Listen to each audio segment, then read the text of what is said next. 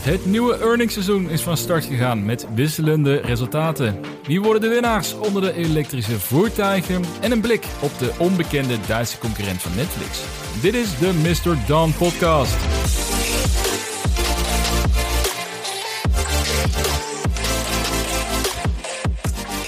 Welkom bij weer een nieuwe aflevering van de Mr. Don Podcast, waar ik je wekelijks hoop te vermaken en inspireren voor het beleggen in groeiaandelen. Mijn naam is Jasper en in deze aflevering gaan we het hebben over de volgende drie onderwerpen. We starten zo meteen over het earningsseizoen, want dat is weer begonnen in de afgelopen week met een aantal aandelen of een aantal bedrijven die hun eerste, uh, eerste resultaat hebben gedeeld van Q2. Een paar teleurstellingen, maar ook een paar meevallers, zo zou ik het mogen noemen. Dus daar gaan we zo meteen mee beginnen. Daarna wil ik het hebben over de elektrische voertuigen. Wie worden er namelijk de winnaars onder de nieuwe elektrische voertuigenfabrikanten. De gevestigde automakers en start-ups zij zullen de komende jaren gaan bepalen wie er mag blijven bestaan. En natuurlijk ook welke automerken er overbodig gaan zijn. Dus daar gaan we uitgebreid een blik op werpen. En afsluitend feedback op de poll die ik de afgelopen week heb uitgeschreven. En de introductie van Don's Radar. Met een blik op een Duits mediabedrijf die de concurrentie aan wilt gaan met een Netflix en een Viaplay. Dus dat is een interessante. En zoals ik al de vorige aflevering zei, ik heb dus een poll uitstaan. Ga naar mrdon.nl slash poll. Kijk ook even in de notes voor deze aflevering. En dan kun je namelijk jouw mening geven over deze podcast. En dan kan je ook vertellen uh, wat je ervan vindt. Maar ook welke punten er zijn die uh, ja, kunnen toevoegen aan deze podcast. Die het nog leuker kunnen maken. Dus daar is onder andere ook de Dons Radar. Of Dons Radar. Ik moet nog bedenken of ik het een, lekkere Nederlands houd.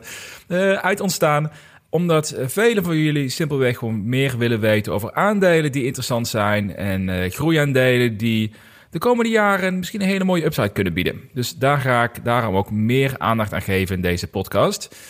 Maar voordat we starten met deze aflevering, die waarschijnlijk weer eh, veel te lang gaat worden, want ik heb weer alles uitgeschreven, maar ik ga er toch waarschijnlijk weer veel te veel over praten. Voordat we daarover starten, dit is geen financieel advies. Doe altijd je eigen onderzoek en beleg alleen met geld dat je kunt missen. We gaan starten met het eerste onderwerp van vandaag en dat is het earningsseizoen. Dat, ja, het voelt ook een beetje als het nieuwe, nieuw voetbalseizoen eigenlijk. Uh, de earnings voor Q2 staan weer op het menu voor de komende weken. En de afgelopen week was de kick-off. Met updates van uh, toch een paar interessante aandelen die nou, het seizoen mochten aftrappen, om het zo maar even te noemen. En ik vind het al heel erg leuk, zo'n earningsseizoen. Want dat zorgt er namelijk voor dat er weer wat, wat reuring ontstaat. Je krijgt updates over je favoriete aandelen. Uh, of misschien wel aandelen die op je wishlist staan. En het biedt natuurlijk ook weer ontzettend veel kansen. Omdat je vaak ook ziet dat de koers ja, toch, uh, noem het even, niet rationeel kan reageren vaak. Of beleggers zijn natuurlijk eigenlijk die niet rationeel kunnen reageren op bepaalde ontwikkelingen vanuit die earnings calls. En dat biedt vaak ook weer leuke kansen voor beleggers die er voor de langere termijn in zitten.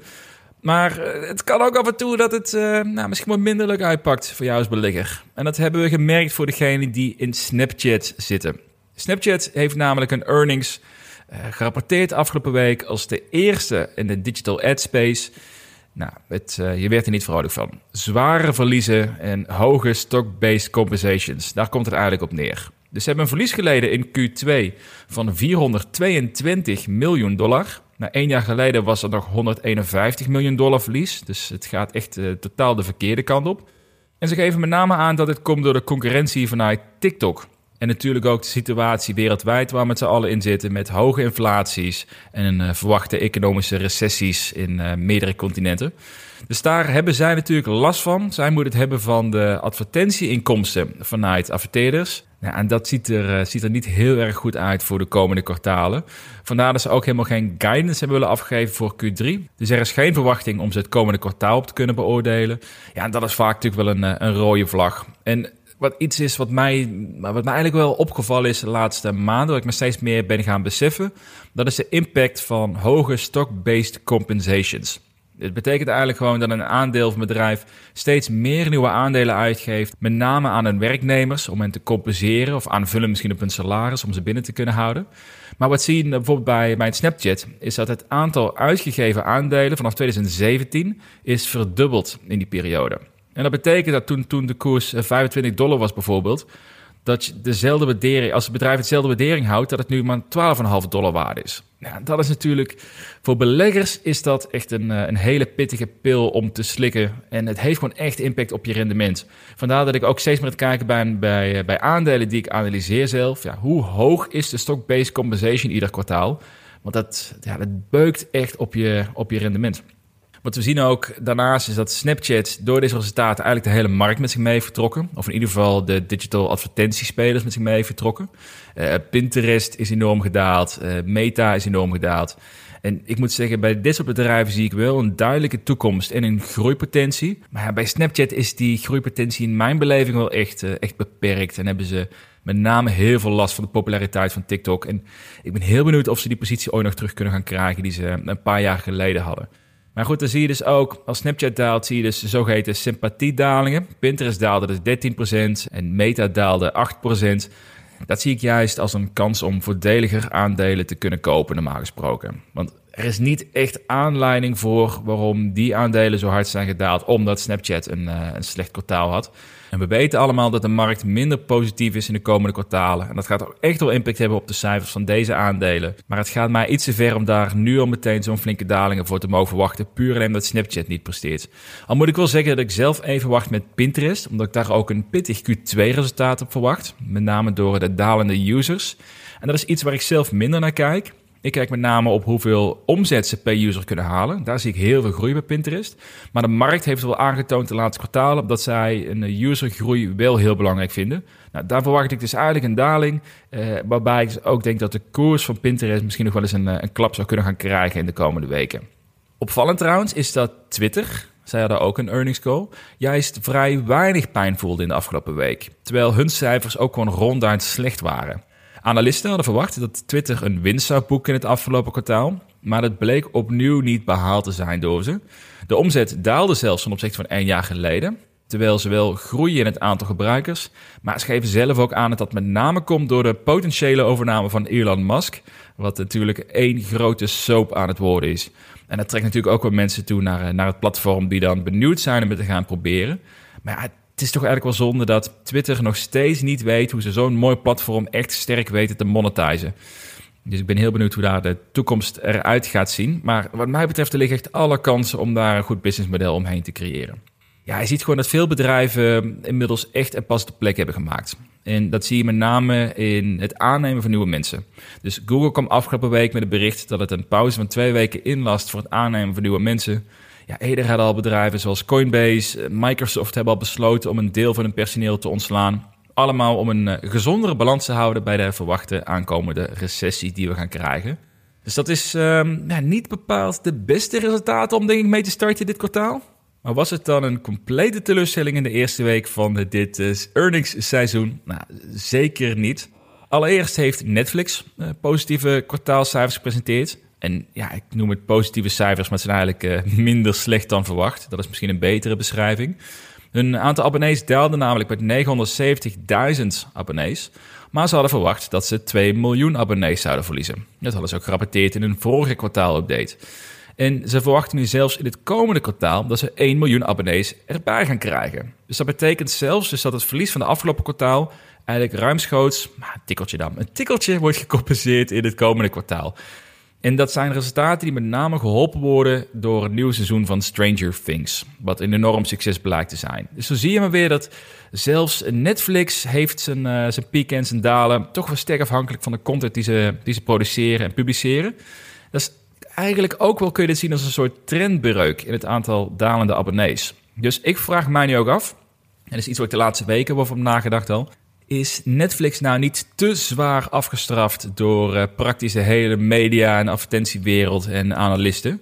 Het blijft natuurlijk nog steeds een van de grootste, of misschien wel het grootste streamingplatform ter wereld. En ik zie ook nog steeds potentie dat zij een businessmodel wel rond gaan krijgen. En een van de manieren voor ze om dat voor elkaar te krijgen, dat is door middel van hun advertentiemodel. Die gaan ze namelijk introduceren samen met Microsoft. Daar hebben ze afgelopen week een eh, persbericht voor uitgestuurd dat zij een samenwerking aangaan om hun videocontent te gaan monetizen. Dus hoogstwaarschijnlijk krijg je er een extra advertentiepakket bij, waarbij je een lager bedrag per maand betaalt, waarmee je al hun content kan kijken, waarbij dan ook tussendoor advertenties getoond worden.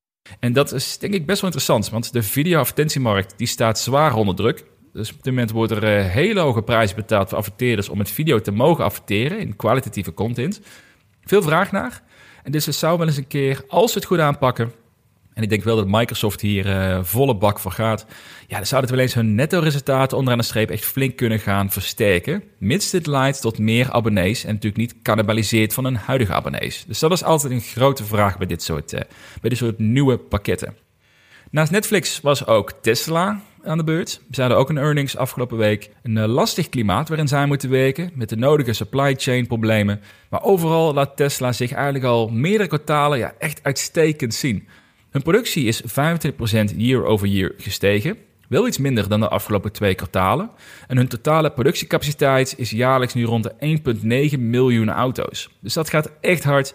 Ja, en ze, ze hebben laten zien dat zij productie echt kunnen schalen. En dat is uh, eigenlijk ontzettend knap. Had ik niet verwacht. Maar de uitdaging voor Tesla zit me nu met name in de marges. Die zijn het afgelopen kwartaal aardig naar beneden gegaan. Uh, mede door de omstandigheden, waardoor onderdelen simpelweg duurder zijn geworden. Nou, het is geprobeerd om dit te compenseren door middel van prijsverhogingen op Tesla-modellen. Maar dat lukt natuurlijk niet meteen en ook niet één op één uh, direct dat je het daarmee compenseert. Ze hebben nog steeds goede marges trouwens ten opzichte van andere automotive partijen. Daarover ga ik zo meteen meer vertellen in het tweede deel, als we het gaan hebben over de EV-winnaars voor de toekomst. Maar ik moet zeggen dat ik eigenlijk positief verrast ben door Tesla. En dat uh, ik ben altijd heel sceptisch geweest over het, over, over Tesla als, als investering, niet als bedrijf, maar als investering. Maar ze lijken inmiddels wel steeds meer aan te tonen dat ze inderdaad die groei kunnen doormaken die de beleggers hadden verwacht een paar jaar geleden. En dat is uh, ontzettend knap hoe ze het voor elkaar hebben gekregen. Eén uh, stukje ruis wat nog op de lijn was, dat is dat zij een positieve cashflow alleen maar hebben bereikt door middel van het verkopen van een bitcoin. Uh, dat is totale onzin trouwens. Dus als je één seconde een blik werpt op hun, uh, op hun een earnings report, dan kun je gewoon zien dat zij hun free cashflow, wat ze hebben berekend, dat staat los van de bitcoins die zij verkocht hebben. Maar het is wel een, een, een verhaal, een narrative die veel in de media is gekomen om het, uh, het merk misschien nog iets onder druk te zetten. Of gewoon mensen die het gewoon niet lezen, dat zou natuurlijk ook kunnen. Nou ja, overal is gewoon Tesla heeft dus wel uh, uitstekende resultaten laten zien. En uh, in ieder geval een mooie opmars voor de komende periode, zou ik zeggen. Nou, afsluitend kreeg ik nog de vraag van Robert om ook even te kijken naar HelloFresh. Uh, dat aandeel daalde namelijk met 23%. Dat zijn waarschuwing afgaven over hun omzet en hun EBITDA-verwachting voor 2022. Eerder zouden zij namelijk een, hun omzet dit jaar met 23% zien stijgen. Nou, dat wordt nu gecorrigeerd naar een stijging van zo'n 20%, een beetje als gemiddelde van een range. En de EBITDA, dat wordt niet meer 540 miljoen euro, maar 500 miljoen euro. Opnieuw gemiddelde van de range. En dat betekent dat de EBITDA zo'n 7,5% naar beneden is bijgesteld. Nou, zelf volg ik HelloFresh niet zozeer als een investering. Maar als de koers met 23% daalt, wat neerkomt op zo'n anderhalf miljard euro aan waardering, omdat het bedrijf iets minder omzetgroei laat zien en 40 miljoen lager bij EBITDA uit zou komen dit jaar, nou, dan zou mijn eerste reactie zijn dat dit een uh, traditionele overreactie is. In ieder geval als je kijkt naar de korte termijn. Want tegelijkertijd is de waarschuwing natuurlijk wel duidelijk. Dat HelloFresh nadrukkelijk uitdagingen verwacht in, de, in dit economische klimaat waarin we nu terechtkomen. Dus ik verwacht ook dat de beurs niet alleen gekeken heeft naar de huidige resultaten, want dat zou wel heel sterk zijn als daar uh, de koers 23% op daalt, maar ook met name hierdoor pessimistischer wordt voor de komende twee jaren. En daar kan ik mij wel iets bij voorstellen. Al vind ik nog steeds 23% daling behoorlijk fors op basis van een, uh, ja, toch een relatief lichte aanpassing van hun uh, verwachting. Het aandeel is dit jaar al ruim 60% gedaald trouwens. Heeft nu een koers tot winstratio van 27. En dat is een stuk aantrekkelijker dan het gemiddelde van de afgelopen vijf jaar. Dat was namelijk een koers tot winstratio van 40 voor HelloFresh. Maar goed, ik heb zelf uh, te weinig inzicht, te weinig gekeken naar het aandeel om nu te kunnen zeggen dat dit een aantrekkelijke investering is. Maar mocht je HelloFresh op je lijst hebben staan, dan zou dit wel een goed moment kunnen zijn om daar uh, nu naar te kijken wat je koopmoment zou kunnen zijn. Dus conclusie eigenlijk, voor betreft het eerste deel in de earningsseizoen die weer geopend is. Leuke periode, ik zei het al. Het wordt een uh, heel aantrekkelijk weer om de beurs te volgen de komende weken. Uh, met name voor de lange termijn beleggers. Als je gaat traden of als je um, met marge aan het spelen bent, dan is het misschien een hele stressvolle periode om mee, mee aan de slag te gaan. Maar ik vind het altijd heel erg leuk. Dus ik zit er weer klaar voor met een grote bak popcorn om alle ontwikkelingen mee te krijgen in de komende periode. En met name volgende week wordt echt een, een hele leuke, of eigenlijk komende week moet ik zeggen. Er gaan namelijk de grote tech megacaps gaan een cijfers presenteren. Dus dit gaat zeker weten een, eh, een interessante en waarschijnlijk ook een volatiele week worden. Dinsdag heeft namelijk Google, Microsoft, Visa en Enphase hebben hun earnings. Woensdag wordt het opgevolgd met Meta, Shopify, Spotify en Teladoc. En donderdag is het de beurt aan Apple, Amazon, Mastercard, Roku en Intel. Dus wat dat betreft meer dan genoeg interessante dingen om te volgen in uh, de komende week. En waarschijnlijk ook meer dan genoeg om bij de volgende podcast weer uitgebreid bij stil te staan. Maar voordat we gaan naar het tweede deel van deze, uh, deze aflevering, over de winnaars van de EV-sector, heb ik nog een luistervraag gekregen van Patrick. Patrick heeft mij namelijk de vraag gesteld: van, heb je al een moment in gedachten om Pinterest, Canoe, Desktop Metal en Coinbase te verkopen? Oftewel dus mijn, mijn vier holdings. En ik vind het een leuke vraag van Patrick, want ik denk dat je altijd moet nadenken over wat is nou een goed verkoopmoment ook voor je aandelen. Ook al heb je ze voor de lange termijn vastzitten. Ik denk dat is, is wat ik echt wel geleerd heb in de afgelopen twee jaar. Is op het moment dat de beurs eh, bijzonder laag staat, depressief is zoals nu, moet je durven kopen. Uh, dat blijkt nu al goed te werken, al zijn we natuurlijk uh, nog zeker niet bij de eindstreep. Um, maar met name ook andersom, als de beurs veel te enthousiast is, dat je ook bereid moet zijn om zelfs de aandelen waar je heel hard in gelooft, om die misschien wat winst op te kunnen pakken. Totdat het wat meer uh, gematigd wordt daarin. Dus in dat geval is het eigenlijk best wel een goed idee dus om te kijken naar, ook bij je vaste holdings, wat, voor welk moment zou je ze verkopen. Dus stel nou voor dat de dat koersen ontploffen door een willekeurige reden. Bijvoorbeeld dat de, de beurs opeens groeiendelen weer fantastisch gaat vinden. Of er zijn onbevestigde geluiden over een enorme overname of, een samenwerking. Iets waardoor de koers van deze aandelen een paar keer over de kop gaat. Wat zou dan een goed verkoopmoment zijn? En daar heb ik al onderscheiden gemaakt tussen mijn, eh, mijn vier posities. Want in Canoe en Desktop Metal, ja, dat zijn echt veruit mijn twee grootste uh, posities. Volgens mij is nu allebei zo'n 40% geloof ik van het portfolio. Misschien wel iets meer zelfs in de afgelopen week. Ja, daar zal ik waarschijnlijk iets, ja, iets sneller mijn winst op gaan pakken als die flink zijn gestegen. Omdat de impact daarvan op mijn portfolio gewoon simpelweg te groot is. Dus stel je voor dat Canoe bijvoorbeeld nu, uh, die staat nu bij koers van iets onder de 4. Als die naar een koers van, van 15 zouden door, uh, doorknallen, door welke reden dan ook. Ja, dat zou dat betekenen dat Canoe iets van 80% of zo, 90%, 80% van mijn portfolio zal zijn, qua, qua totale waardering relatief ja, dan is het wel logisch om het winst te gaan pakken. Ook al zou ik denken dat de fair value van Canoe eerder rond de 15 dollar à 20 dollar zou zijn op dit moment. Veel hoger dan wat het nu is. Maar goed, dat is mijn, is mijn inschatting. Dus normaal gesproken zou je zeggen, ja, hou het er lekker vast zodat het ver boven je fair value staat. Maar dat doe ik eigenlijk ja, in dit geval iets minder, omdat de posities dus zo groot zijn. Ik denk dat Canoe en Desktop Metal allebei zal beginnen afromen, om het zo maar even te noemen. Ik denk bij een koers van 10, 12 dollar. En dat ik dan in hele kleine stapjes iets zou, zou verkopen. Maar ik zou never nooit die volledige positie verkopen op basis van een, uh, een, tijdelijke spike in de koers. Want eh, nogmaals, dan kom je weer terug dat je het moment moet gokken wanneer het goed moment is om te verkopen. Maar het moeilijkste, wanneer koop je nou weer terug in? En ik ga absoluut niet het moment meemaken dat ik canoe verkoop voor 10. Om het na twee, drie jaar met heel veel pijn vastgehouden te hebben om dan te zien dat daarna de koers uh, nooit meer zo laag gaat als dat moment. Dus dat, um, nee, daar, eh, daar zie ik niet in zitten. Maar ik denk dus voor Canoe Desktop Metal rond het rond de 10, 12, 15 dollar. Dat ik vanaf die momenten een beetje ga skimmen off de top, om het zo maar uh, uit te drukken. Bij Pinterest en Coinbase uh, ligt er iets anders, omdat de posities daar wat kleiner zijn. Dus daar heb ik iets meer speling in om te kunnen, te kunnen handelen. Heeft wat minder impact. Maar ik zie bijvoorbeeld bij Pinterest, ik beschouw het echt als een overnamekandidaat. Het is gewoon een, een winstgevend bedrijf. Het heeft een hoge cashpositie. Er is een forse groei in het social commerce domein. Heb ik het vorige week over gehad. Ik denk dat Pinterest, ja, er staat nu rond 18 of 19 dollar. Ik denk dat dat een fair value heeft van 60, 60, 70. En ik denk eigenlijk dat ik uh, Pinterest niet snel zal verkopen voordat het weer de 100 dollar aantikt. Omdat ik denk dat daar gewoon veel dichter, veel dichter bij de, de waarde zit die het bedrijf kan hebben over drie, vier jaar. En uh, nou ja, ik heb dus minder noodzaak om daar te skimmen, de winst, omdat dus de positie gewoon iets kleiner is. Uh, met Coinbase is helemaal lange adem. Die heb ik echt gekocht omdat ik daarmee wil investeren in, uh, in Web3, in de crypto space, in de NFT space. Uh, op een manier die, met een bedrijf die met name profiteert van de handel daarin. Dus niet zozeer de pricing van crypto en NFT's. Ja, en daar is Coinbase gewoon een absolute winnaar in. Zo zie je het, wordt het momenteel niet gezien door de beurs. De, de koers nou, is best wel indrukwekkend laag, vind ik nog steeds. En ik zou denken dat de fair value van Coinbase ook eerder rond de 150, 200 dollar ligt.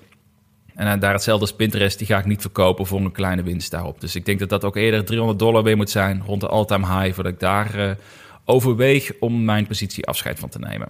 Dus dat zijn even kort mijn gedachten over de vier posities in mijn portfolio. Wanneer zou ik ze nou willen verkopen?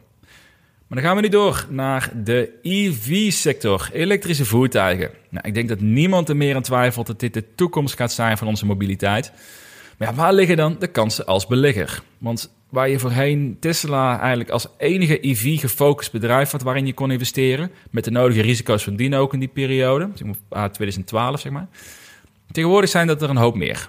Maar wat wordt dan ook de rol van de traditionele automakers? Zijn zij misschien ook wel een goede investering, wetende dat deze nieuwe verschuiving aan plaatsvinden is? Nou, daar gaan we nu naar kijken in de komende, wat zal het zijn, 10 minuten denk ik? Oh, nou, nou, trouwens, als ik kijken voor aantekeningen heb gemaakt, zal het waarschijnlijk alweer eens langer worden dan 10 minuten.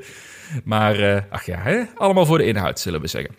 Nou, kijk, als we kijken naar, het, domein aan zich, hè, eh, elektrische voertuigen, de markt die groeit de komende jaren gemiddeld met 24,5 procent. Eh, berekend tot 2028. En daarna bereikt het een marktgrootte van 980 miljard dollar. Dus dit is echt een significante markt waar echt ontzettend veel vraag naar gaat zijn de komende jaren en het aanbod nog steeds relatief beperkt is. Maar dat gaat dus natuurlijk heel hard de afgelopen twee, drie jaar. Veel startups, veel bedrijven zijn naar de beurs gekomen die eh, langzaam echt beginnen met het schalen van een productie. En, dat, uh, en het gaat er eindelijk voor zorgen dat vraag en aanbod iets dichter bij elkaar komt. Maar ja, je ziet gewoon dat er een enorme vraag is en ook heel veel ondersteuning voor elektrische voertuigen. Dus met name overheden wereldwijd geven subsidies op elektrische voertuigen. Je hebt in Amerika heb je de Department of Energy, die een hele interessante leningsstelsel heeft voor automotive merken in de EV-sector. Waardoor je voor praktisch uh, geen rente een flink bedrag kan lenen om je groei te faciliteren.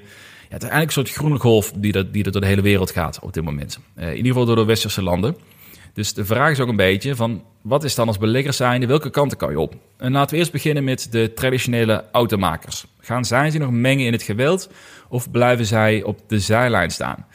Ik denk dat de traditionele automakers dat zij een enorme uitdaging gaan krijgen om in ieder geval om een goede investering te blijken op dit moment. De uitdagingen zijn best wel helder. Uh, overal zijn automakers hebben moeten doen met relatief lage marges. Gemiddeld tussen de 3 à 6 procent EBITDA-marge. Dat is wat je mag verwachten bij een automotive bedrijf. Dat zie je met name terug dus bij de traditionele automakers. Terwijl een relatief nieuw bedrijf, zoals een Tesla bijvoorbeeld, die halen marges van ver boven de 20 procent. Dus voor dezelfde omzet halen zij simpelweg vele hogere winsten onderaan de streep. En dat is iets wat je als traditionele automaker moeilijk voor elkaar krijgt, want ze hebben gewoon te maken met een legacy. Zij gaan al tientallen, soms honderden jaren mee. Nee, niet honderden jaren trouwens tientallen jaren, eh, vele tientallen jaren mee. En dat heeft hen ook eh, gevestigde merken gemaakt. Maar daarom hoor ik ook nog steeds vaak dat de nieuwe EV-startups dat ze weinig kans maken. Want als een Mercedes of een Volkswagen het graag wil, nou, dan breken zij de markt zo open met hun uitgebreide productiemogelijkheden. Ik denk dat dat echt wel mee gaat vallen. Allereerst heb je het probleem dat de fabrieken, die zijn vaak redelijk gedateerd voor het bouwen van EV's. Het is een totaal andere manier van produceren. Je hebt nieuwe technologie nodig, een nieuwe inrichting van je fabriek. Maar ze werken toch veelal vanuit oude, traditionele fabrieken met uh, traditionele motoren die gebouwd moeten worden. Dus of ze moeten de hele winkel verbouwen terwijl hij open is, of ze moeten verkiezen om dure nieuwe fabrieken te bouwen speciaal voor elektrische voertuigen. Dat is bijzonder kapitaalintensief. En dat wetende terwijl hun oude fabrieken eigenlijk steeds zinlozer worden. Dus dat is best wel een moeilijke keuze, kan ik me voorstellen, voor de traditionele automakers. Hoe gaan zij nou ook mee in die nieuwe ontwikkelingen met elektrische voertuigen? Er is ook een uitdaging dat veel automotives te maken hebben vanuit de legacy met enorme pensioenuitbetalingen en ook oude werknemers die er al tientallen jaren werken. Daar moet ook voor gezorgd worden. En er zijn echt niet allemaal mensen meer die één op één mee kunnen met de nieuwe ontwikkelingen. Maar daar zit je eigenlijk wel een beetje aan vast. Zeker als je daarop rekent dat per 2030 dat er meer elektrische auto's verkocht gaan worden dan de auto's die je nu met name nog op de weg ziet rijden met meer de traditionele bronnen. En dit zijn uitdagingen die een nieuw automerk in de EV-sector niet heeft. Zij bouwen namelijk fabrieken die specifiek ontworpen zijn om de nieuwste elektrische auto's te ontwikkelen. En de mensen die ze aannemen, die snappen ook de technologie en het productieproces, het nieuwe productieproces. En dat is in sommige gevallen is dat een voordeel en in sommige gevallen is dat een nadeel. Ik denk namelijk dat uh, een nieuwe EV-startup heeft de kans om een merk nog helemaal op te bouwen. het nadeel kan zijn, je moet je merk nog helemaal opbouwen. En je hebt natuurlijk mensen die al jarenlang kiezen voor om te rijden in een Mercedes, in een Volkswagen, een Audi. Als er een goed alternatief voor komt met een elektrische motor, is de kans best groot dat zij daarvoor gaan kiezen. Uh, maar goed, je hebt ook automotive-merken die een, een, minder goed imago hebben opgebouwd. En die hebben natuurlijk ook daarin nog steeds de uitdaging. En als derde, de uitdaging voor veel automotives is dat er vaak sprake is van een, een hoge schuldenpositie. Het maken van auto's is kapitaalintensief. Natuurlijk vaak worden veel auto's gemaakt nog voordat ze, voordat ze verkocht zijn. Het kan nog even duren voordat ze verkocht zijn. En er zijn ook vaak dure fabrieken nodig om die massaproductie te kunnen starten. Dus je hebt hoge schuldenlasten bij dit soort bedrijven. Een, een Ford, een Renault, die hebben twee keer meer schuld dan equity. En dat is wel echt een uitdaging. Zeker als je de hele transitie nog moet gaan maken. En bij de nieuwe EV-automerken zie je wel dat als eenmaal de kritische investeringen zijn gedaan en de schaal er is, in combinatie met die hogere EBITDA-marges, die je nu bijvoorbeeld bij een Tesla ziet, ja, dan kan het vrij snel gaan. Maar Tesla is in twee jaar tijd gegaan van meer schuld dan equity. Eh, die twee jaar geleden zag er een stukje uh, minder goed uit dan nu, laat ik het zo zeggen. Maar nu zit ze in een situatie waarbij de equity 13 keer hoger is dan een schuldpositie. En dat is in ja, relatief korte tijd voor elkaar gekregen. En dat is ontzettend knap. En dat is iets, dat is een stap, zeg maar, die traditionele automakers veel en veel moeilijker kunnen gaan zetten. En al zie ik natuurlijk wel dat er een paar automakers zijn die traditionele automakers die wel al een tijdje goed bezig zijn. Ik denk een Volkswagen is daar een heel goed voorbeeld van, die al vrij vroeg eigenlijk zijn ingestapt met uh, nieuwe EV's en het ook gewoon goed doen op dat gebied. Maar ik ben wel heel benieuwd van de traditionele automakers hoeveel daarvan over tien jaar nog echt bestaansrecht hebben. Ik denk dat er een, uh, een aantal merken die wij nu erkennen, dat die over tien jaar waarschijnlijk niet meer zullen bestaan. En als we dan kijken naar de, noem het even de top 4 van de EV-specifieke bedrijven. Hoe staan zij ervoor en is dat een, een goede investering in mijn beleving of niet? Nou, om te beginnen natuurlijk met Tesla. Tesla is het voorbeeld van de EV-sector. Hoge EBITDA-marges. Uh, ze hebben laten zien dat zij schaal kunnen creëren in de productie. Maar daarnaast zijn ze ook met heel veel andere dingen bezig die hun aanbod nog sterker maken. Het bouwen aan autonoom rijden bijvoorbeeld is iets waar ze al vele jaren mee bezig zijn. Uh, ze zijn bezig met het zelf ontwikkelen van goede, betere batterijen, die echt cruciaal zijn bij de volgende fase van elektrische auto's. Ze hebben een eigen oplaadpuntennetwerk. Is iets waar zij bijzonder in zijn, uh, waar mensen ook echt voor, of hun klanten ook echt voor waarderen. Dus overal gewoon een ontzettend sterk en een relatief divers automerk die zichzelf niet voor niets meer een techbedrijf noemen dan een automerk. En dat is nou, ook heel slim voor andere redenen. Onder andere door de waardering, wat ze de afgelopen jaren hebben gehad. Dat is een stuk meer vooruitgelopen dan als zij zichzelf natuurlijk een automotive bedrijf hadden genoemd vanaf het begin. Maar goed, uh, wat betekent dit dan qua belegging? Ik denk dat zij de komende jaren koninkrijk al meer moeten gaan delen. De vraag naar elektrische auto's neemt wel nog steeds toe. Veel hoger dan dat het aanbod toeneemt. En het is ook geen winner takes all domein. Dus wat dat betreft is dat iets wat waarschijnlijk gaat gebeuren. Dat Tesla minder dominant gaat worden. Maar dat zij nog steeds zelf een enorme groei gaan, uh, gaan realiseren over de periode heen. En traditioneel gezien blijft Tesla natuurlijk een duur aandeel. Maar de overweging is met name gebaseerd of je verwacht dat Tesla meer gaat worden dan enkel elektrische auto's produceren. En ik moet zeggen, ik hoor tegenwoordig niet heel veel meer over een, hun thuisbatterijen of een zonnepaneeldak waar ze hele wilde plannen mee hadden. Maar als het hen lukt om dat toch meer een volwassen onderdeel te laten worden van hun businessmodel, waarbij ze ook eigen batterijen dus gaan faciliteren en maken, ja, en een manier vinden om autonoom rijden te bevorderen, dan zal Tesla best wel een interessante investering kunnen blijken. Ook zelfs vanaf de huidige waardering, wat nog steeds enorm pittig is. Maar het is dus wel speculeren of ze echt gaan doorpakken op meer aspecten dan puur alleen maar hun elektrische auto's. En Elon Musk, je kunt er veel van vinden. Ik vind het een, eh, een geniale gek. Het is iemand die een bedrijf kan maken, maar ook kan breken. Dus uh, wat dat betreft zit daar een plus en een minpunt aan. Dan heb je Lucid Motors. Ik denk echt een indrukwekkende superauto die zij gemaakt hebben. Eh, ze nemen het pad over van Tesla. Dat ze eerst starten met een, een luxe auto en daarna pas eigenlijk de goedkopere modellen introduceren om echt meer tot de massa, massa te kunnen bereiken. En je merkt heel duidelijk dat de CEO, hij een oud-engineer is van Tesla. Ze kopiëren echt een aanpak, zowel qua merk opbouwen als qua productie faciliteren.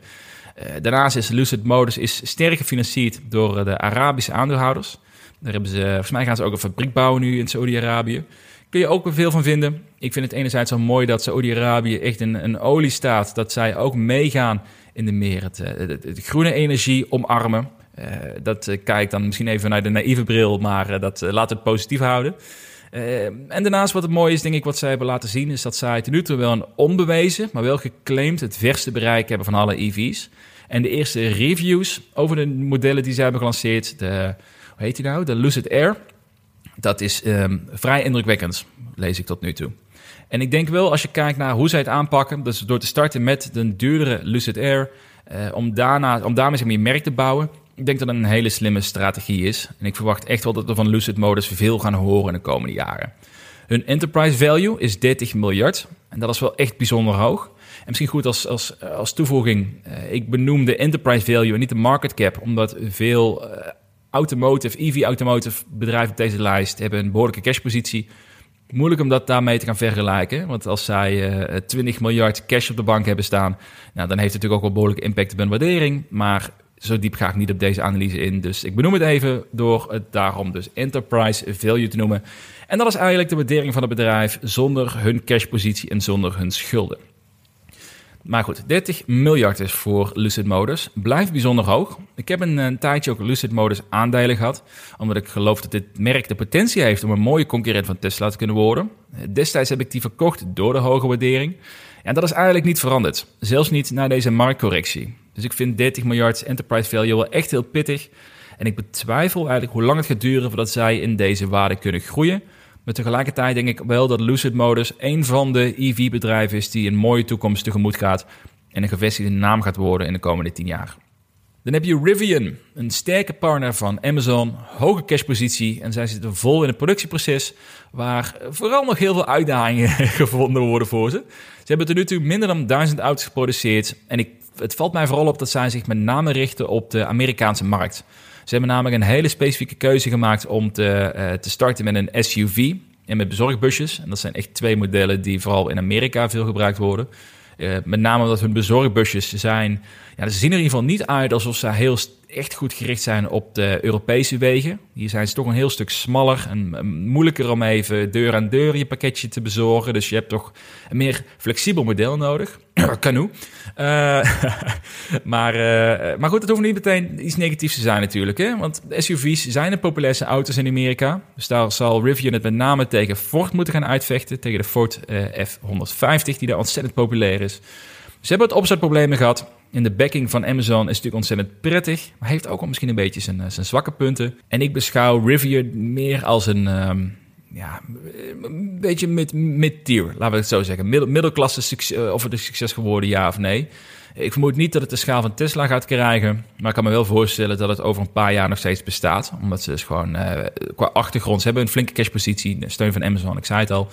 Dat is echt nog wel, um, dat gaat ze echt wel een paar jaar vooruit helpen.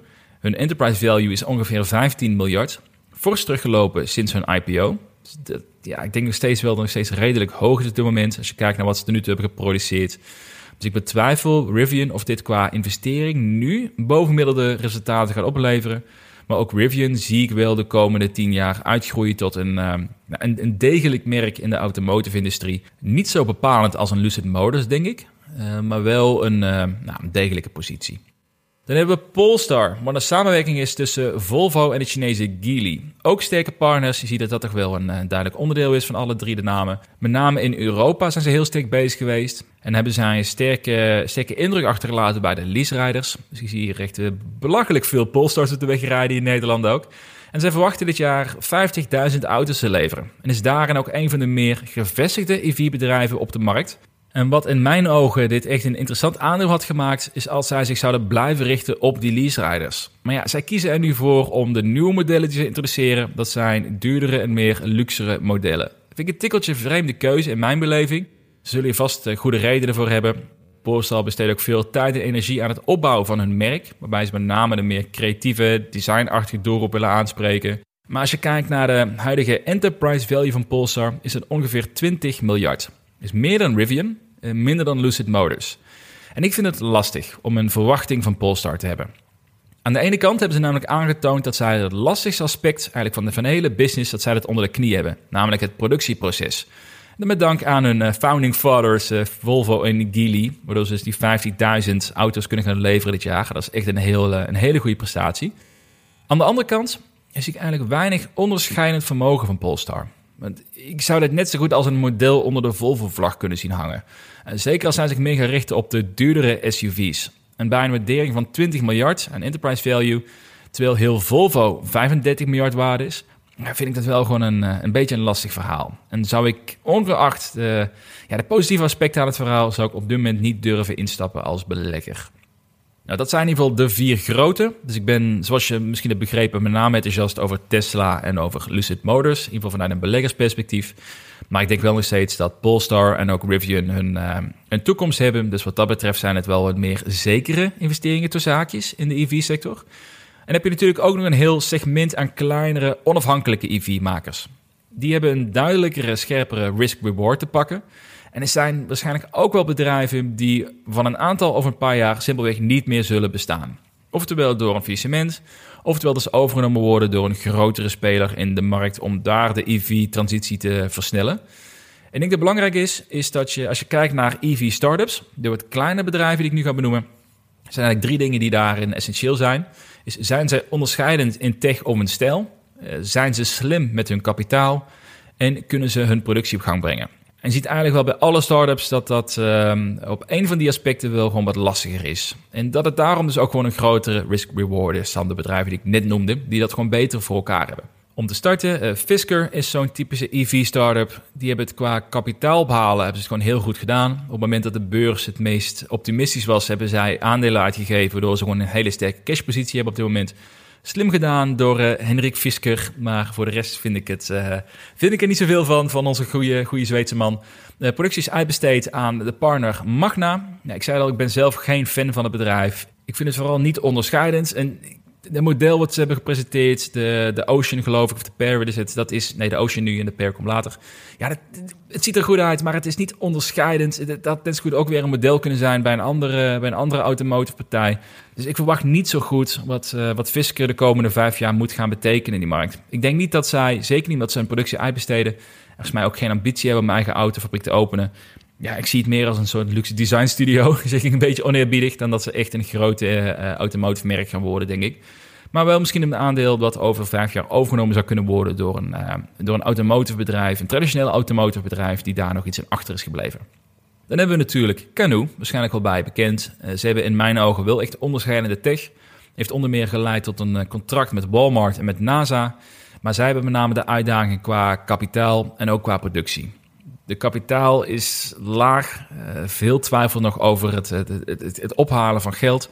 Uh, heel krapjes zit ze nu ook bij kas. Dus dat is echt een, uh, een grote twijfel bij heel veel beleggers. En terecht denk ik daarin. En ook over de productie is vrij weinig gecommuniceerd. Heel veel plannen over. Ze zijn bezig met het bouwen van een fabriek. En ze hebben tussendoor hebben zij een andere locatie waar dus tot die tijd auto's gemaakt worden. Maar ja, het is allemaal heel veel speculeren en heel veel what-ifs. En dat is dus dit, dit aandeel eigenlijk ook in zekere zin. Een grote what-if. Als ze namelijk kapitaal en productie, als ze dat aspect weten op te lossen, dan heeft Canoe in mijn ogen, in tegenstelling tot een Fisker bijvoorbeeld, wel de kans om echt heel groot te gaan worden. En dat bewijs ik ook in de contracten die ze hebben afgesloten. Maar tegelijkertijd is de kans op falen ook echt significant groter. Dus we gaan het meemaken in de komende maanden waarschijnlijk of Canoe die twee problemen kan gaan oplossen. En dan heb je nog een paar EV's die wat mij betreft helemaal niks toevoegen in de hele wereld. Je hebt een, uh, sorry voor degenen die daar nog geïnvesteerd zijn. Uh, je hebt een Lordstown motor. Die, ja, dat, dat heeft helemaal niks in mijn beleving. De productie is volledig uitbesteed. Ze hebben zichzelf helemaal uitgehold. En het, de truck die ze maken, ja, dat uh, gefeliciteerd ermee. Je hebt een Faraday Future. Die ging afgelopen week vooral hard als een soort quasi short squeeze-achtig achtige ontwikkeling op de beurs en is net zo hard weer gedaald. Er zit ook niks in waarbij ik denk van ja, daar, dat gaat onderscheidend zijn. En je hebt een Mullen, uh, ook zo'n short squeeze-achtige optie. Ja, het, uh, weet je wat het is? Er zijn heel veel EV-bedrijven. Uh, daar moet ik zeggen dat Canoe en Fisker daar ook wel tussen, tussen horen. Die zijn allemaal hevig geshort in de afgelopen maanden. Grotendeels ook wel terecht. Er is natuurlijk heel veel twijfel of ze het gaan redden. Dus bij een gekke markt zou de koers echt flink kunnen stijgen van deze aandelen. Maar het is in mijn ogen, in ieder geval de laatste drie die ik genoemd heb, ja, zijn in mijn ogen absoluut geen lange termijn investeringen. Het zou leuk kunnen zijn voor traders of als je wil speculeren dat de koers ontploft bij een eh, positieve marktontwikkeling. Maar uh, zeker de laatste drie blijf ik in ieder geval ver vandaan. En afsluitend, hoe zit het dan met de Apple Car? Dat is ook iets waar veel over gesproken is geworden. Nou, de verwachting is dat ze een eigen elektrische auto gaan uitbrengen. Er is al jarenlang veel hype op. De, de Apple Car, wanneer gaat het eindelijk komen? Ik denk dat die niet gaat komen. En ik denk namelijk dat zij een andere richting op gaan willen met Apple. Apple zal niet heel veel interesse hebben om zelf auto's te maken, want het is gewoon een best wel een pittig proces. Uh, je moet de productie op gaan zetten. Eh, de marges zijn relatief laag. Er is hoge concurrentie voor. Groot afbreukrisico ook voor het merk Apple. En het is ook gewoon een domein waar zij toch wat minder in bekend zijn. Tuurlijk, ze produceren hun eigen iPhones en wat dan ook. Maar ja, automotive is toch weer iets heel nieuws. Dus waarom zouden zij niet iets gaan doen waar zij zich wel heel comfortabel bij voelen? En dat is in mijn beleving, de Apple Car, als je daarover hebt, dat is niet de auto zelf, maar dat is de software voor de nieuwe generatie auto's. Eh, dashboarding zijn bij de duurdere consumentenmodellen al grotendeels digitaal. Je ziet ook dat autonoom rijden, dat daarbij data delen ontzettend belangrijk is. Eh, plus het is een interessant verdienmodel voor heel veel bedrijven. Je kunt bijvoorbeeld een verzekering aanbieden op basis van je rijgedrag. Je kunt een, een korting aanbieden bij een bandenvervanging bijvoorbeeld. Dat je ergens lokaal bij een winkel dat veel goedkoper kan doen dan bij een ander. Je kunt heel veel met data. En daarnaast heeft software als Apple zich daarop gaat richten, heeft natuurlijk veel hogere marges, veel schaalbaarder. En ze kunnen in principe bij alle automotive merken die, uh, die daar toegang voor geven, kunnen zij de dashboarding beschikbaar stellen. Ik denk dat dat ook een USP gaat zijn voor veel automotive bedrijven om te zeggen, nou wij ondersteunen het Apple Car Dashboard bijvoorbeeld. Uh, dus daar liggen denk ik enorme kansen. Geen gezeik met productie, geen gezeik met onderhoud van auto's. En het ligt met name ook heel dicht bij de kern van Apple, namelijk de designkern. Het, het simplificeren en het mooier maken van uh, de producten waar je mee werkt. En ik denk ook dat Apple daarin ook weer een statussymbool kan zijn voor andere automerken. Dat een uh, Hyundai, een Volkswagen, dat zij zeggen, nou weet je wat, als je bij ons een EV-auto koopt, dan krijg je het dashboard van Apple zit daarbij. En ik denk dat dat een hele mooie kans kan zijn voor Apple om zich daar te bewegen. Dus ik zie ze daar eigenlijk dus niet met een eigen auto komen, maar dus wel veel meer zich op de software en op de datapunt gaan richten. Dus dan, uh, daarmee is dat verhaal denk ik helemaal compleet als je kijkt naar de EV-sector. Dus veel kansen denk ik voor, voor beleggers, maar uh, ja, het ligt een beetje aan hoeveel risico je wil nemen, gevestigde orde. Wil je meer naar de EV-bedrijven die um, wat solider voor staan, laat ik het zo zeggen, of ga je meer voor de high-risk, high-reward met de meer de startups die hierin actief zijn. In ieder geval meer dan genoeg keuze als je graag wil beleggen in de EV-sector. Dan gaan we door naar het derde onderdeel van de podcast. Ja, ik zei het al, ik praat veel te lang erover. Ik heb wel allemaal notities hier, maar ik moet zeggen, uiteindelijk ben ik de podcast nog steeds meer aan het uitschrijven dan voorheen, zo lijkt het. En het wordt alleen maar langer, dus daar uh, moet ik nog een vorm op gaan verzinnen. Maar we gaan door namelijk met het derde deel. Dat is allereerst heb ik dus een, uh, een poll uitgezet afgelopen week om feedback te krijgen op deze podcast. En ik heb jullie gevraagd voor jullie mening, of ik heb jou gevraagd voor jouw mening.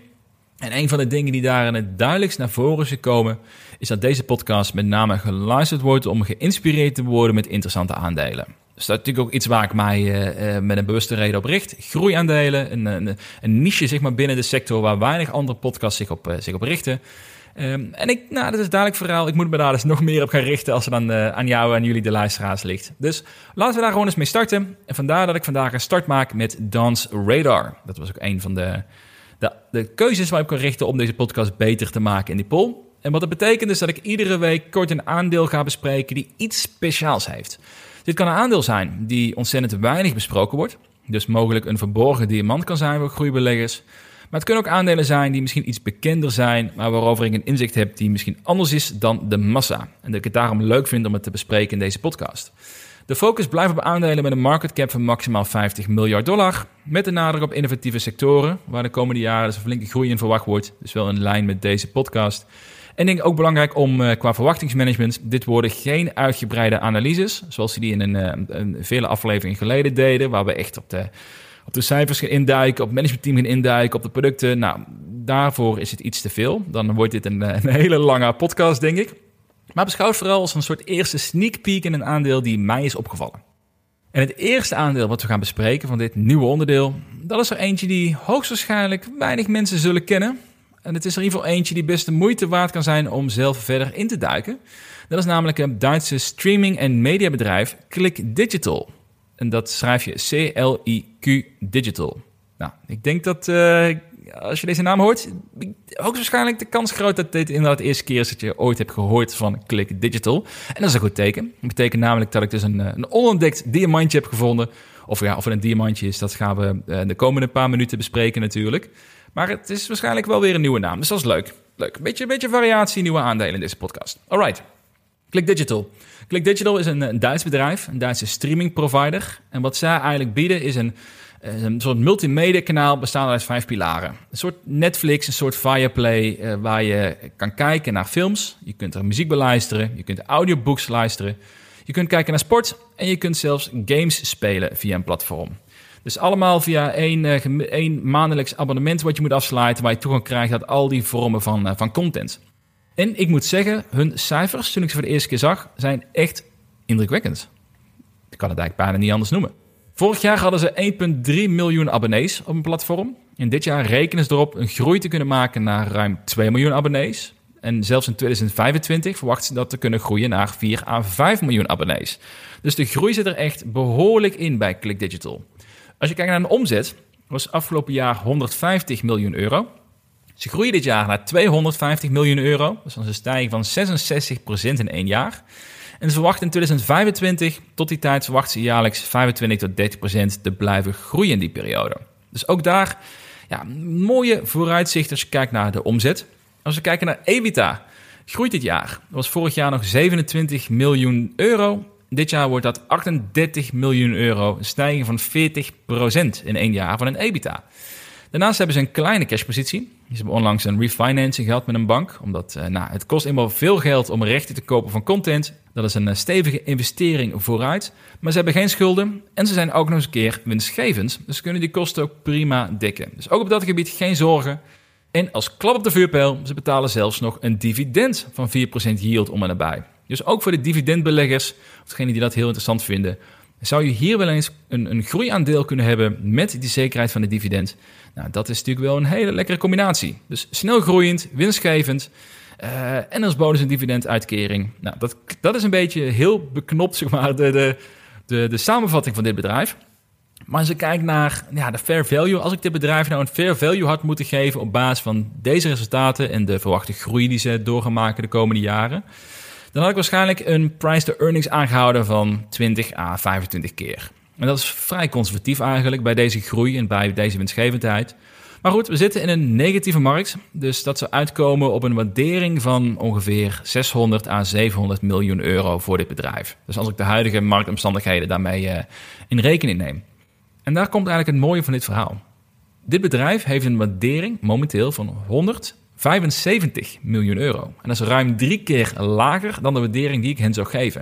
En dat is zelfs lager dan hun verwachte omzet voor dit jaar. En het komt neer op een uh, price to earnings van 7 voor heel 2022. En dat is best wel bizar eigenlijk. Want de enige bedrijven waarbij ik zo'n lage PI gezien heb, dat zijn bedrijven waarbij de groei er of volledig uit is, of bijvoorbeeld een Coinbase, waarbij de earnings de komende jaren echt flink naar beneden worden bijgesteld, omdat het bedrijf wat meer cyclisch werkt. Maar ja, en hier hebben we gewoon te maken met een bedrijf die en fors groeit en winstgevend is, de komende jaren ook fors blijft groeien, met een verwachte PI van 7. Dus de vraag die je mag stellen, waarom is dit bedrijf nou zo laag gewaardeerd? Nou, allereerst moeten we constateren dat Europese aandelen dat die altijd lager worden gewaardeerd dan een eh, Amerikaanse evenknie. Maar er zijn ook wel aspecten die mij een beetje nou, reden geven voor, uh, voor zorg of terughoudendheid, moet ik zeggen.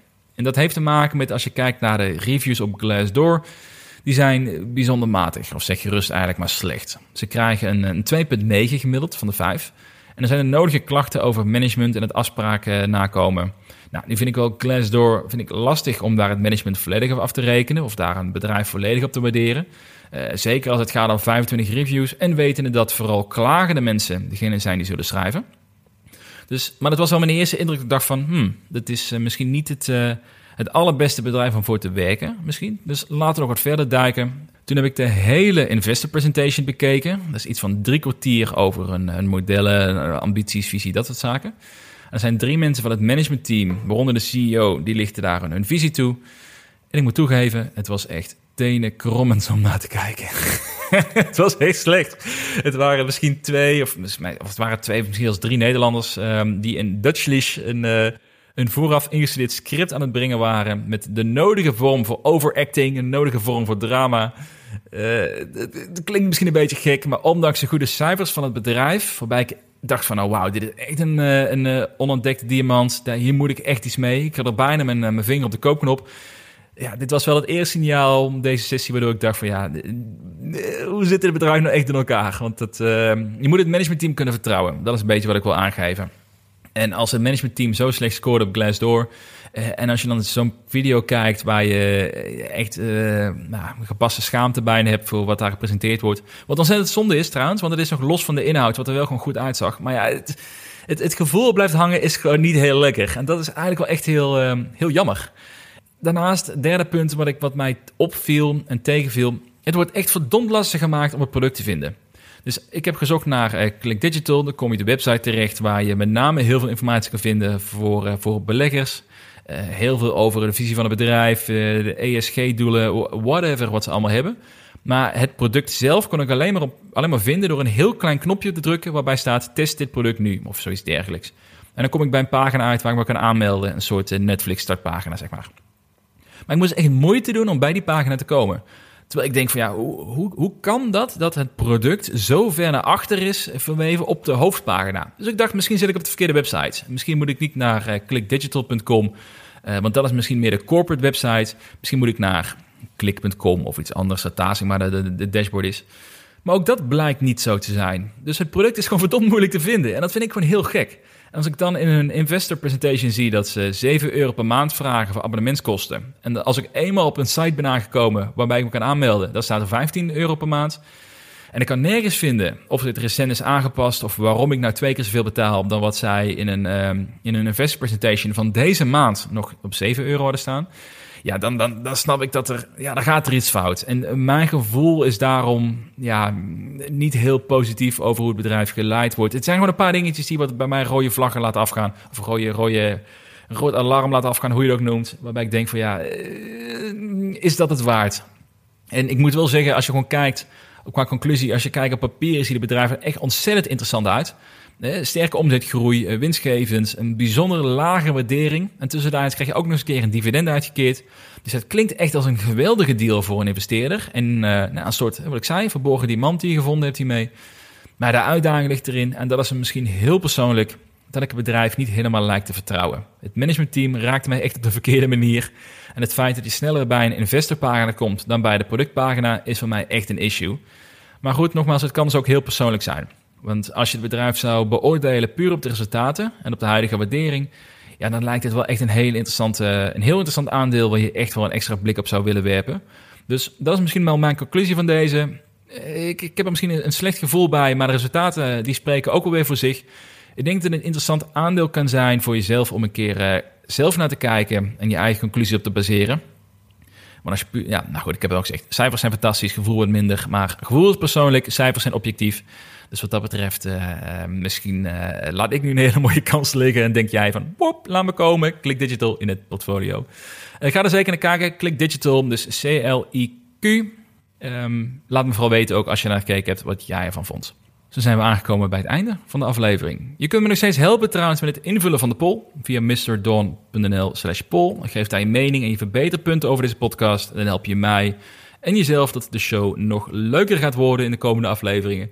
Abonneer jezelf via Spotify of Apple Podcasts, mocht je dat nog niet gedaan hebben. En laat een score of een review achter. En je kunt mij volgen op Twitter via MrDonNL voor dagelijkse updates. Dankjewel voor het luisteren en graag tot de volgende week.